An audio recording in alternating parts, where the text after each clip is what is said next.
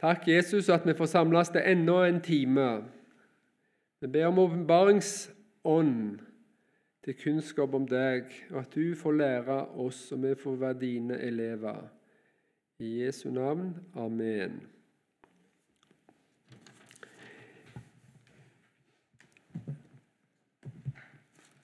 Ja, Salme 40 er en veldig rik salme. Det er så mange ting, og nå stopper vi jo litt lenge, syns kanskje noen, men vi får gå forbi noe òg. Eh, vi har vært så vidt innom Jeremias og 38 og sett at det kan være en sammenligning, men det er òg ting som er veldig, veldig forskjellige. I, vi skal ikke gå i Jesaja 38, men vi kunne gjort det. For der synger kongen, Hiskia, synger en sang etter han var fått 15 år ekstra. Og han sier han òg at han er dratt opp. Og Der får du òg et litt eh, Får noen tilleggsperspektiv det er Guds kjærlighet som ligger bak dette.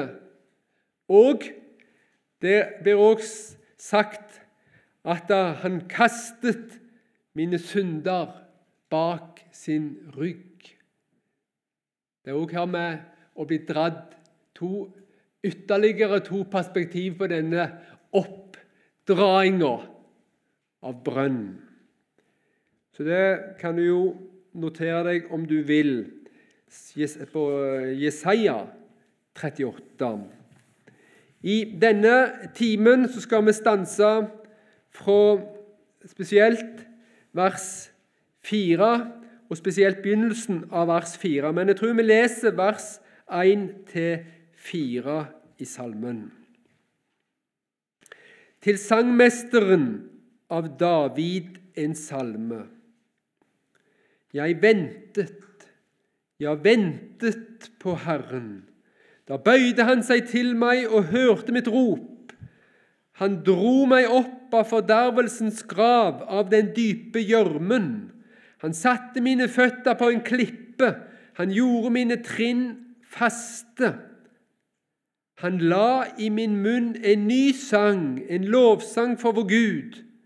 Mange skal se det og frykte og sette sin lit til Herren.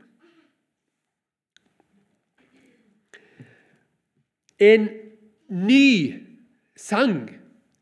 En ny sang. Vi har jo hørt det om en ny fødsel. Å bli født på ny. Omvendelse og tru på den Herre Jesus. Eh, en ny fødsel det betyr òg en fødsel ovenifra. Det har du sikkert har hørt, har vi lært bl.a. av Øyvind Andersen. Det ligger i begrepet 'ny'. Det er at det er noe nytt i tid for den enkelte. Fordi om eh, grunnen ligger jo i evigheten, utvalgt i Kristus fra verdens grunnvoll ble lagt. Men en må bli født på ny her i tiden, i ditt liv. Bli født ovenifra, ifra Gud. En ny sang. Han, la i min munn en ny sang. Det var en sang som ikke var der før. Han var ny, denne sangen. Han var ikke før, han er kommet til nå. Men det er òg en sang ovenfra. En sang ovenfra. Han eh, kommer ofte tilbake til det samme. jeg. Kanskje er det fordi jeg trenger så mye repetisjon sjøl. Sven Folløen han eh, var ikke en veldig utpreget akademisk personlighet. Og Han var ikke en sånn som las og las og las, men han las mye. Det gjorde han nok. Og han eh, ville at andre skulle lese, og han var ivrig til å spre svensk litteratur. Og hvem er det da? Hvem er det da, tror du, at da eh, Sven Folløn ville spre i, trygden, i, traktene rundt der som han for, der som Jon Peder bor i dag? Og hvem da? Jo, det var Rosenius. Han var ivrig, han hadde med seg bøker til Rosenius, og han eh, spredde Rosenius' skrifter. Eh, men han som kanskje har betydd mest for Rosenius eh, den røsunianske forkynnelsens utbredelse i Norge Han heter jo Jakob Tråsdal, knytta til Bergen Indremisjon. Og han har jo oversatt eller bearbeida denne sangen. Kan du synge den nye sangen? Synder som ferdes på syndens jord. Ja, kan du? Kan du synge den nye sangen? Han la i min munn en ny sang. Og enda en gang tilbake til Folløen. Når han gikk fra ei bygd til ei annen bygd, så ville han ofte ha med seg noen som kunne være med og vitne om Jesus på den nye plassen. Og hvordan plukka han dem ut, de han ville ha med seg? Så han om de hadde fine klær, om de kunne oppføre seg pent og pyntelig, om de hadde de rette formuleringene, eller Hvordan, hvordan plukka han de ut? De var frimodige. Han hørte etter den nye sangen. For de som var født på ny, de som var dradd opp, de som hadde blitt frelst, de som hadde blitt gjenfødt, de hadde den nye sangen. Så Sven Folløn, han hørte etter den nye sangen. Ja. Og han oppmuntra de som var hadde fått tak i Jesus og vitna om han. Men det står at han var redd for å presse de som ikke hadde den nye sangen, til å skulle vitne om Jesus. For de hadde jo ikke noe egentlig å vitne om. For de kjente ikke den Herre Jesus i troen. Kan du synge den nye sangen? synder som ferdes på syndens jord. Å, sier han, den synges alt hist, altså i himmelen, av mangen, som seg nå fryder ved himmelens bord. Men de lærte den først her nede, ja, da de til Golgate kom. Ja, der er du, da. Tråsdal. Han har fanga noe der. Den nye sangen og hvor er den nye sangen? er? Den nye sangen er jo i himmelen. Der de synger til Herrens pris i evigheters evighet og sier til lammet du er verdig. Der er den nye sangen. Men hva som sto i salmen? Hva sto der i vers 4? Han la i min munn Ja Alle Guds sanne barn har fått den nye sangen. Ja, her er det ting Jeg vet ikke hva du tenker når du hører det.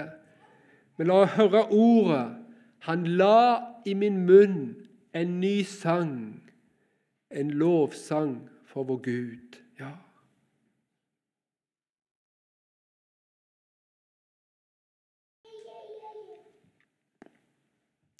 Kan høre den nye sangen, kan se den nye sangen. Ja, kan se den nye sangen.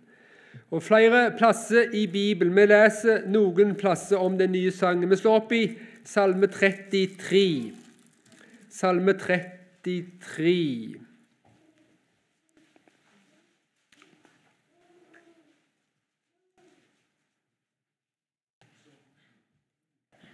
Salme 33.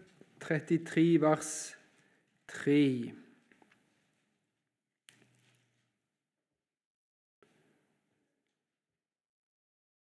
Syng for ham en ny sang. Spill liflig med frydesang, for Herrens ord er sant, all hans gjerning er trofast. Denne sangen det er en liflig sang, det er en frydesang. Ja, det er en lovsang. Og du kan se i vers 2 og 3, som vi har gått, har stoppet for noen sider ved vers 2 og 3. Der kan du se noe inn i denne lovsangen, denne nye sangen. Hvem, hvem, hvem handler denne sangen om? Den, hvem lover og takker? Hvem er det som får lov og takk i denne sangen? Det er Jesus. For han la i min munn en ny sang, en lovsang for vår Gud. For han bøyde seg til meg, han hørte mitt rop. Han dro meg opp av fordervelsens grav, av den dype gjørmen. Så kunne de si 'Jeg er elendig og fattig'. Ja, altså sangen, sangen handler ikke om meg. Den handler om hva han har gjort for meg. Han dro meg opp av fordervelsens grav, av den dype gjørmen. Han satte mine føtter på en klippe. Han gjorde mine trinn faste.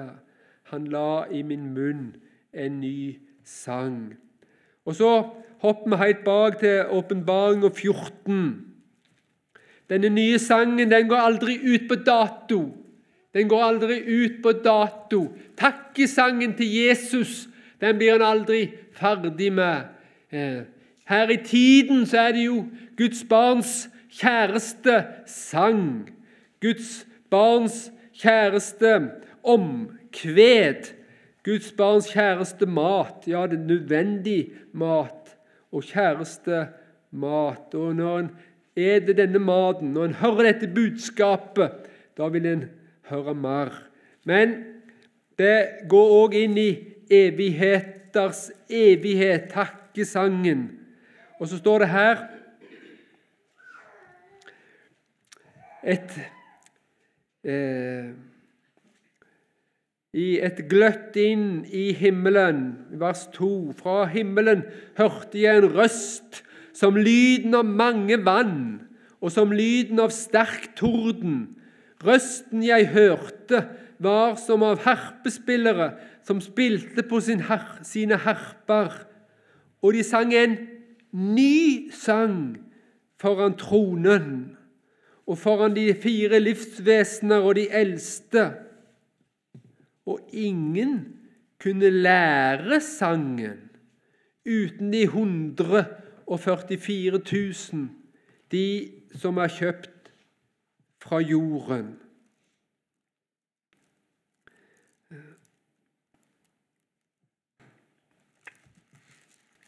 Ja, ingen Denne sangen kan du ikke lære ved Ved å på en måte være ivrige, ved å gå inn for det. Jeg har sunget litt i kor. Ikke mye, og det er lenge siden. Men da måtte vi øve. For vi skulle lære teksten, og vi skulle lære å synge rent, og vi skulle lære å synge sammen. Da måtte vi trene, da måtte vi terpe, da måtte vi oppmuntre hverandre. Men ikke sånn her med den nye sangen. Ingen Ingen kunne lære sangen uten de 144 000, de som er kjøpt fra jorden. For her er sannheten at Han la i min munn en ny sang. Han la i min munn en ny sang. Ja, og den synges alt hist av mang en, som seg nå fryder ved himmelens bord. Men de lærte den først her nede, den gang til Golgata de kom. under korset fant fuglen rede. Men du spør meg hva synges om? Hjertetrangen anfører sangen. Hjertetrangen, ja. Anfører sangen. Emnet er Jesu Kristi blod. Ja, for han dro meg opp av fordervelsens grav. Jeg var fortapt, og så ingen vei. Da frelste blodet, da ingen makt kunne frelse meg, da frelste blodet. Ja, fikk jeg kaste min byrde av. Da fikk jeg svømme i nådens hav. Ja, takk være blodet. Det er blodet. Ja, det er blodet.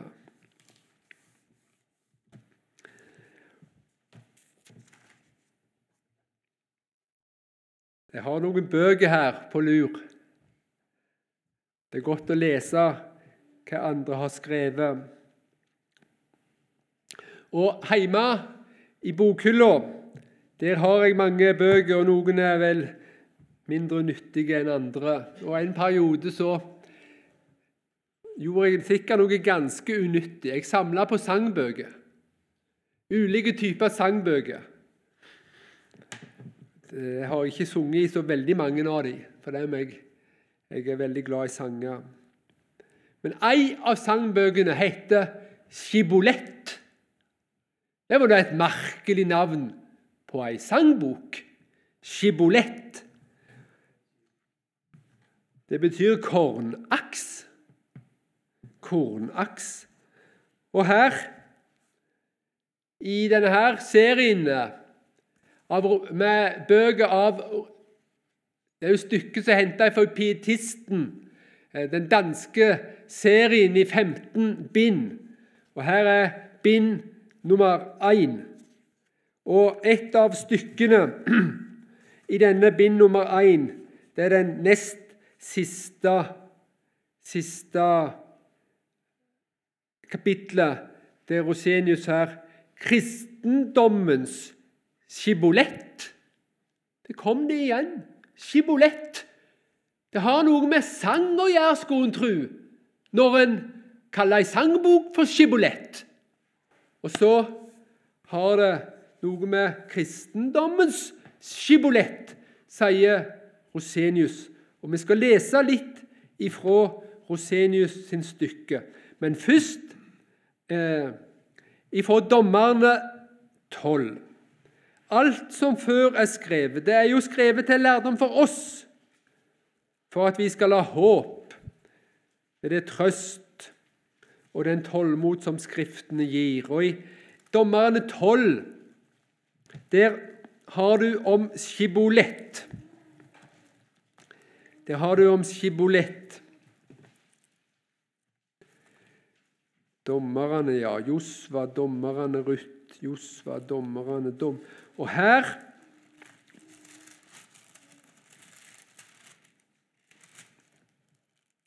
Her er det Jefta. Det er strid, og han kaller noen til å bli med i striden. For Ammons barn gikk til angrep, men de ville ikke være med på striden. Men når striden var vunnet, så klager de på at de ikke ble innkalt og kunne være med på seieren. Ja. Dommerne 12,1. Efraims menn ble kalt til våpen og dro mot nord. Og de sa til Jefta, 'Hvorfor sendte du ikke bud etter oss da du dro av sted for å kjempe mot Ammons barn?' 'Nå vil vi sette ild på huset du bor i, og brenne det ned over hodet på deg.' Da sa Jefta til dem, 'Jeg og mitt folk var i hard strid med Ammons barn.' Da kalte jeg på dere, men dere hjalp meg ikke mot dem.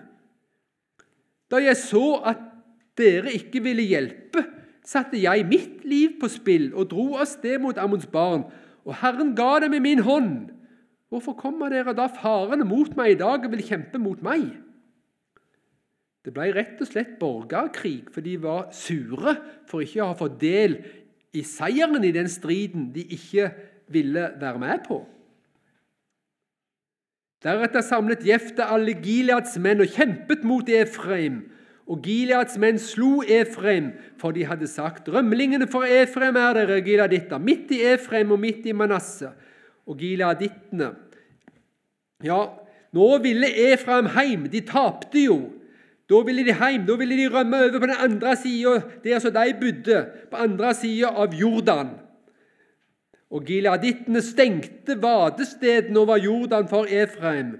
Hver gang det kom en efraimitt som hadde flyktet for slaget og sa 'la meg slippe over', da sa Gileads menn til ham 'Er du en efraimitt?' Jeg forstår det. Hvis han så sa 'ja, det er jeg', ja, da tok de livet av ham. Så her var det liv og død. Er du en efraimitt? Ja, da løy de og sa nei. De ville berge livet. Han svarte nei. Da sa de til ham, si skibolett. Men han sa sibolett, for han kunne ikke uttale ordet riktig. Så grep de ham og slo ham i hjel ved Jordans vadesteder. Det falt den gang 42 000 av Efraim. Ja, på en måte så var det jo fordi at de ikke klarte å si skibolett de mista livet. Men det var Det var jo det. Men egentlig det var jo en følge av at de var efraimitter. Så det var jo egentlig hva folk de var i. For var de efraimitter, så var det rett og slett umulig å klare å si det ordet. De hadde ikke den lyden. Da sa de sibolett. De klarte ikke si De klarte ikke si skibolett. Og her kommer Osenius inn og har kristendommens skibolett. Så I slutten av boka her har han dette kapitlet. Og så gjentar han litt her fra Dommerne 12. Så sier han slik lyder historien om Skibolett. Men har ikke også det åndelige Israel sitt skibolett, sitt ganske bestemte kjennemerke, som gjør det mulig å skjelne mellom sann kristendom og all slags falsk åndelighet? Jo, Lovet være Herrens navn. Gud har gitt oss et skibolett så klart og tydelig at ingen behøver å være i tvil. Og for klarhet i denne sak er så viktig, fordi menneskers mening, meninger er mangfoldige, og frelsens vei da kun kan være én. Så her må du få klarhet. Kan du synge den nye sangen? Det er skibolettet. Har du skibolette her klarer du kanskje du klarer å lure mennesker, men du klarer aldri lure Gud når du står ved grensen og skal over Jordan. Si skibolett. Og så sa han sibolett. Da kom han ikke over. Og Så sier Rosenius videre. Nå hopper jeg og tar noen små avsnitt, men vi kan virkelig òg anbefale stykket. For her er det noe Det er ikke ord eller uttrykk det her spørres om, men om hjertets forhold til Gud. Jesus sier jo 'hva hjertet er fullt av', løper munnen over med. Så Det er jo ikke at vi har trent oss opp til å si de rette ord når vi er sammen med de andre kristne, sånn at de andre kristne tror et eller annet om oss. Nei. Du står for Gud, som allting vet. Og det er ikke snakk om å ha ord og uttrykk i munnen. Ja, det hjertet er fullt av, det er talemunnen. Så det er du må til hjertet. Det er hjertets forhold til Gud, sier Jesus, sier Gud at en kanskje kommer til å uttrykke seg ufullstendig eller uklart. forandrer ikke noe i hans virkelige stilling. Noen det er veldig flinke til å si sånn og sånn og sånn når de skal forklare om hvem de tror på, og hva Jesus betyr for dem. Det er så teologisk, det er korrekt, det er jo herlig og lærerikt å høre. Andre famler hit og dit, og en kunne tenke Klarer du ikke å si det bedre? Ja, men det er jo ikke det det kommer an på. Det er jo hjertets forhold til Jesus. Vi er så forskjellige i hvordan vi klarer å uttrykke. Men det er hjertet, ditt hjerte. Og Rosenius han, han advarer oss imot den der flisespikkeri og den mistenksomheten mot andre, liksom. At jeg går rundt og ser Sier hun det rette? Sier han det rette? Nei, det er hjertet. At en kanskje kommer til å uttrykke seg ufullstendig eller uklart, forandrer ikke noe i hans virkelige stilling. Imidlertid fins det så meget falsk åndelighet og så meget fryktesløs streben at det vitner om en forferdelig likegyldighet for sin sjel og ikke sette alt inn på å få klarhet over hvor den rette vei går. Nei, her må du søke klarhet hvor den rette vei går.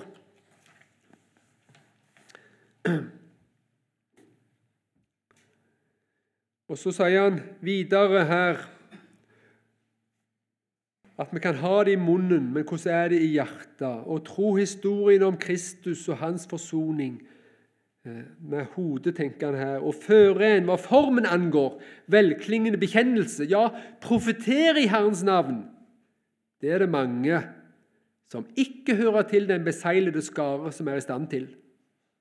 Det er noe den ene broder, den ene bror, kan lære den andre, og derfor ikke noe sikkert kjennetegn på dem som skal stå frelst foran lammets trone.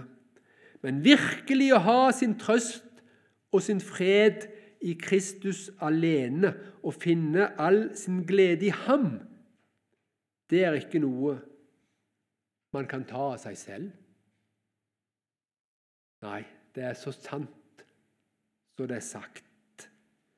Det er ikke noe man kan ta av seg selv, og virkelig ha sin trøst og sin fred i Kristus alene og finne all sin glede i ham. Det er ikke noe man kan ta av seg selv.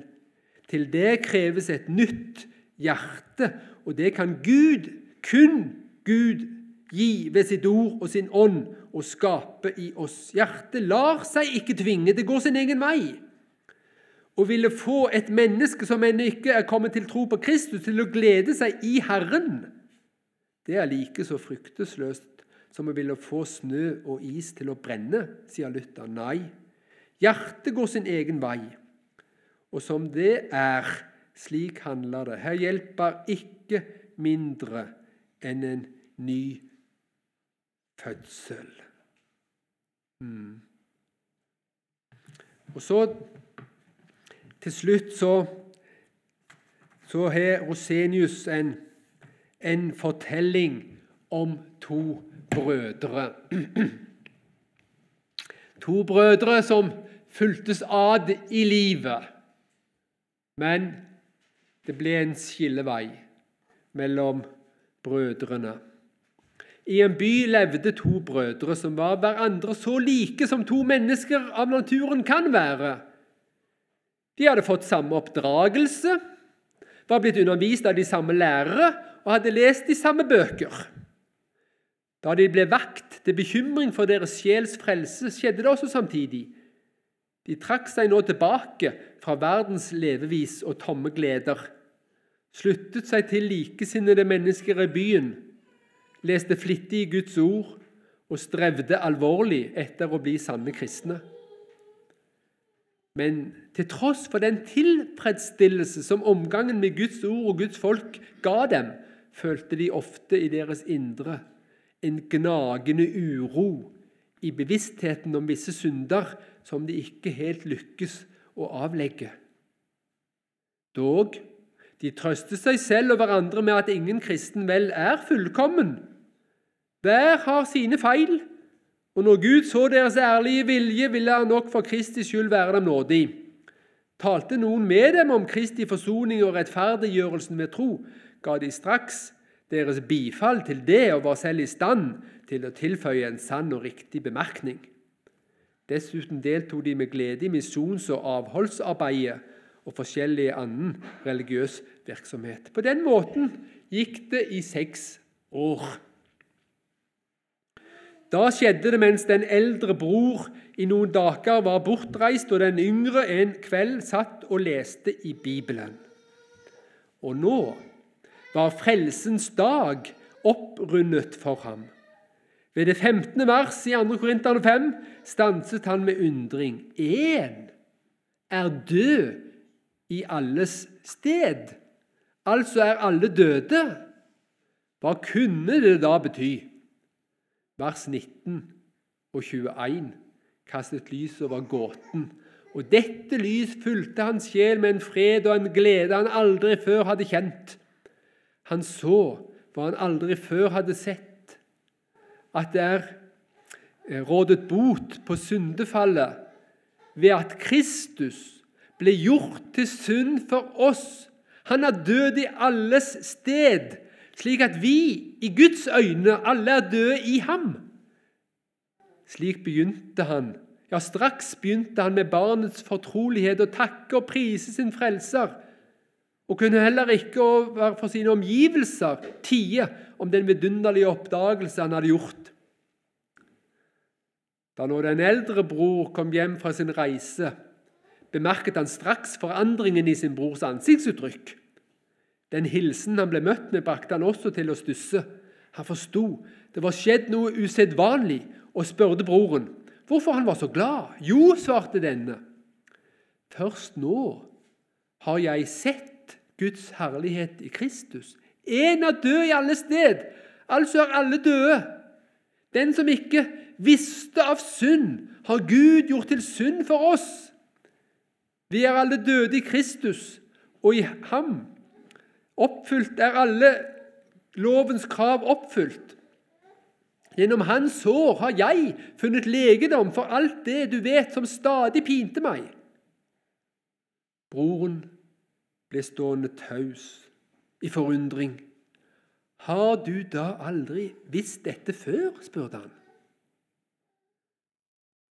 Så sa den andre, har du visst det, men aldri gledet deg over det? Vi har nok på en måte visst det, men hvorfor har det aldri fylt våre hjerter med fryd? Å tro og å tro kan være to vidt forskjellige ting, føyde han forklarende til da han ikke fikk noe svar. Fra denne stund var det en merkbar forskjell på disse to brødre, der ellers var hverandre så like.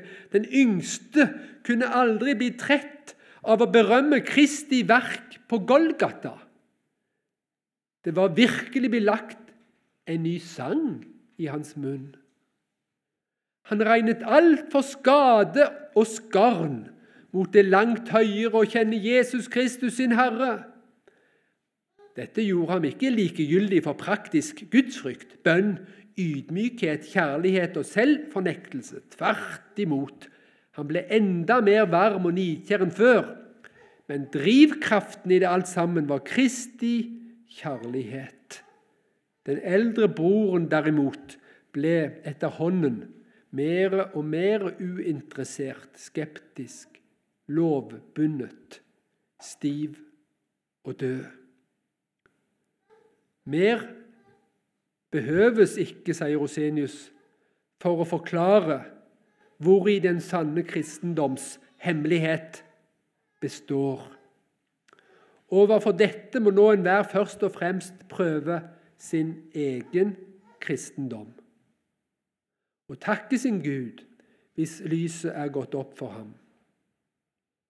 På samme tid vil også hans evne til å bedømme forskjellige slags åndelighet utvikles. Da gjelder det om at han i sin kjærlighet ikke bare handler med visdom og forsiktighet. Ja, det er viktig med visdom og forsiktighet, men også midt i sin forsiktighet oppflammes til nidkjærhet. Og så er det så nydelig det som Rosenius sier. Blant dem som ennå ikke har funnet sannheten og kommet til liv i Gud, finnes det dog mange som en gang vil nå dertil. Det er et ord til deg og til meg som har funnet lyset, som har fått lov å bli dratt opp. Møter du noen som ikke har blitt det, så skal du vite mange av dem, noen av dem, skal òg få møte dette. De skal bli frelst, de òg. Frelsen er for dem òg. Jesus elsker dem òg. Jesus har kjøpt dem òg. Det finnes dog mange som en gang vil nå dertil. Og så sier Rosenius det siste jeg skal sortere. Det er helt i slutten av kapittelet, men det er litt igjen. Men jeg vil stoppe her nå. Ganske særlig hvis alle kristne med kjærlighet og takt ville vise dem den rette vei. Ja, så fikk han sagt det òg. Ja, vi må vise dem vei. Ja, Men hvordan viser vi dem vei? Å, den nye sangen. En lovsang til vår Gud. Ja, de takker, de takker Jesus. Han er den fagreste, og han er aldri så skjønn som når jeg ser han med tornekron på. Og da ser jeg jo han døde i mitt sted, og han døde for deg. Du skal òg få lov. Ja, du fortjener virkelig å være i det dype, svarte hull men Jesus ville ikke det. Jesus ville ikke det. Derfor så kom han. Så steg han ned. Så tok han de synd på seg. Så tok han alt det som tynger deg. Og så tenker jeg ofte alt det som ikke tynger meg. Alt det jeg ikke forstår og begriper og merker. Alle mine lønnlige synder. Ja, forlat meg deg. Og ja, Jesus tok det på seg. Han tok på seg alt. Det gjorde han. Og det er Kristus som er den nye sangen. Det er lammet som ble slakta og kjøpte oss til Gud med sitt blod. Ja, alt skal bli nytt i himmelen, men Jesu naglemerke. For jeg så et lam midt for tronen og de eldste og de fire eller livsvesenene Det var litt feil, det. Midt for tronen, står det. Midt for tronen. Der så jeg et lam. Ja, Like som det var slaktet. Ja, Det var Jesus. Han var ikke død. Han lever ennå. Ja, han gjør det. Men han har naglemerkene. Det blir i evigheters evighet. Så blir det lovsang til Han som var villig å dø i mitt sted. De lærte den sangen den først her nede, ja, da til Golgata de kom. Han la i min munn en ny sang, en lovsang for vår Gud. Mange skal se det. Merkelig. Skal se en ny sang. Skal se en ny sang. Ja, vi har ikke mye tid igjen, men det blir en ny sang. Det blir en sang der Jesu navnet toner han som oppfylte loven i mitt sted. Men du kan òg se den nye sangen. Så blir òg vår vandring ny. Ja, det er den nye sangen. Så kan og vil man synden fly og følge Jesus etter.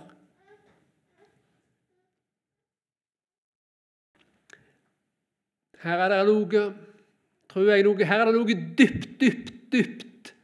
For Jesus han levde et fullkomment liv. Han Han var jo helt uten synd. Han var jo helt perfekt. Likevel så var han som en magnet på syndere. Så når du har fått tak i den nye sangen, og du lever som en kristen, og du ønsker å følge Jesus etter, og leve etter Hans lov og Hans bud, så fungerer ikke det sånn så at du blir en som ser ned på syndere. Som tenker at hun er jo ikke noe tess. Hun har ikke sett mye. Hun der vet jeg ikke om jeg skal ha noe tro på. Jeg vet ikke om de er verdige. Nei. Hvordan var det med Jesus? Syndere holdt seg tollere, og syndere holdt seg nær til ham for å høre ham. Og Jeg vet ikke om du har møtt noen sånne folk. Noen som du har tenkt han er frelst av bare nåde. Og Jeg tror jeg tårer jeg tror jeg tårer gjør den farlige øvelsen å nevne et navn. Det er Hans Erik Nissen. Har du vært i hans nærhet? Han er død nå. Har du vært i hans nærhet? Jeg har vært litt i hans nærhet. Og det ble ikke store når du var i hans nærhet, men du opplevde òg at han heller var ikke stor. Men han hadde en stor Jesus. Og så fikk jeg òg lyst, i hans nærhet, fikk jeg òg lyst og frimodighet til å være så Jesus. Mange skal se det og frykte og sette sin lit til Herren, ja. Det er det en stor hemmelighet i en kristens liv. Og om det kunne skje at en kunne være med og dra en fattig sjel mot Frelseren Ja, hva da for? Jo, for han har vært så uendelig god imot meg. Jeg som hadde fortjent det stikk motsatte. Så har han dratt meg opp av fordervelsens grav. Han har gitt meg alt. Han har tilgitt meg alle mine synder. Han har gitt meg sin rettferdighet, som kan være min drakt. Og så får jeg lov å bo på Han og være, ha stø kurs mot himmelens lyse land. Ja, jeg takker Jesus for det. Kunne jeg være med og dra en annen fattig synder. Det er vel Ja, jeg har jo ingen verdens ting å rose meg av, men jeg har Kristus.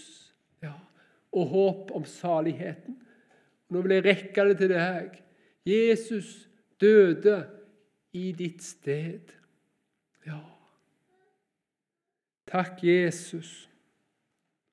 Evig takk.